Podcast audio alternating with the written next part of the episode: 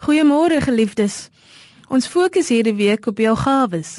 Op die instruksie van Paulus in 1 Korintiërs 12 om jou gawes so uit te leef dat jy die mensdom vir God opbou in steede daarvan om dit af te breek.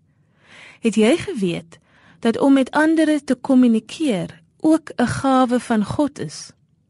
Elke dag word ons genoodsaak om op die een of ander wyse te kommunikeer, betekenis aan die lewe te gee deur dit wat ons sê met woorde of met ons lywe.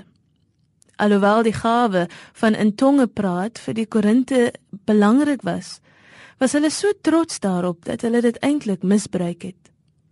Paulus lê altyd meer klem op die feit dat die doel van ons gawes is om mense te onderrig in die woord van God.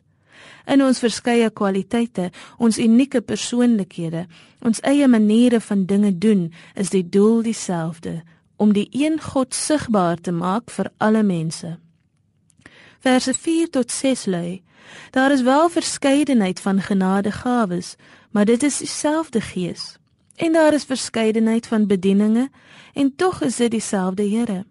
En daar is verskeidenheid van werkinge en tog is dit dieselfde God wat alles in almal werk. Ons staan hierdie week stil by hoe ons die genadegawe van kommunikasie gebruik. Paulus sê: "Kommunikeer met mekaar in duidelike, bekende taal." Praat met mekaar in liefde sodat julle mekaar kan leer aangaande God. Gebruik jul gawes om mekaar in liefde te omvou.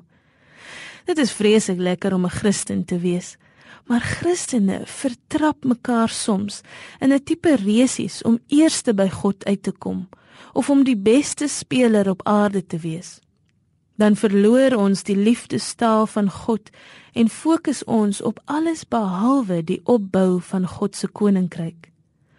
Fokus vandag net daarop om met liefde met die mense om jou te praat, om deur jou woorde niemand af te breek nie, maar om dit wat jy sê en hoe jy dit sê vir God sigbaar te maak aan ander. Geniet jou dag. Liewe Heer, sal U elke een vandag op hulle lewenspad help in elke oomblik van hierdie dag om werklik U sigbaar te maak vir die mense om hulle. Mag hulle U opbou en nooit afbreek nie.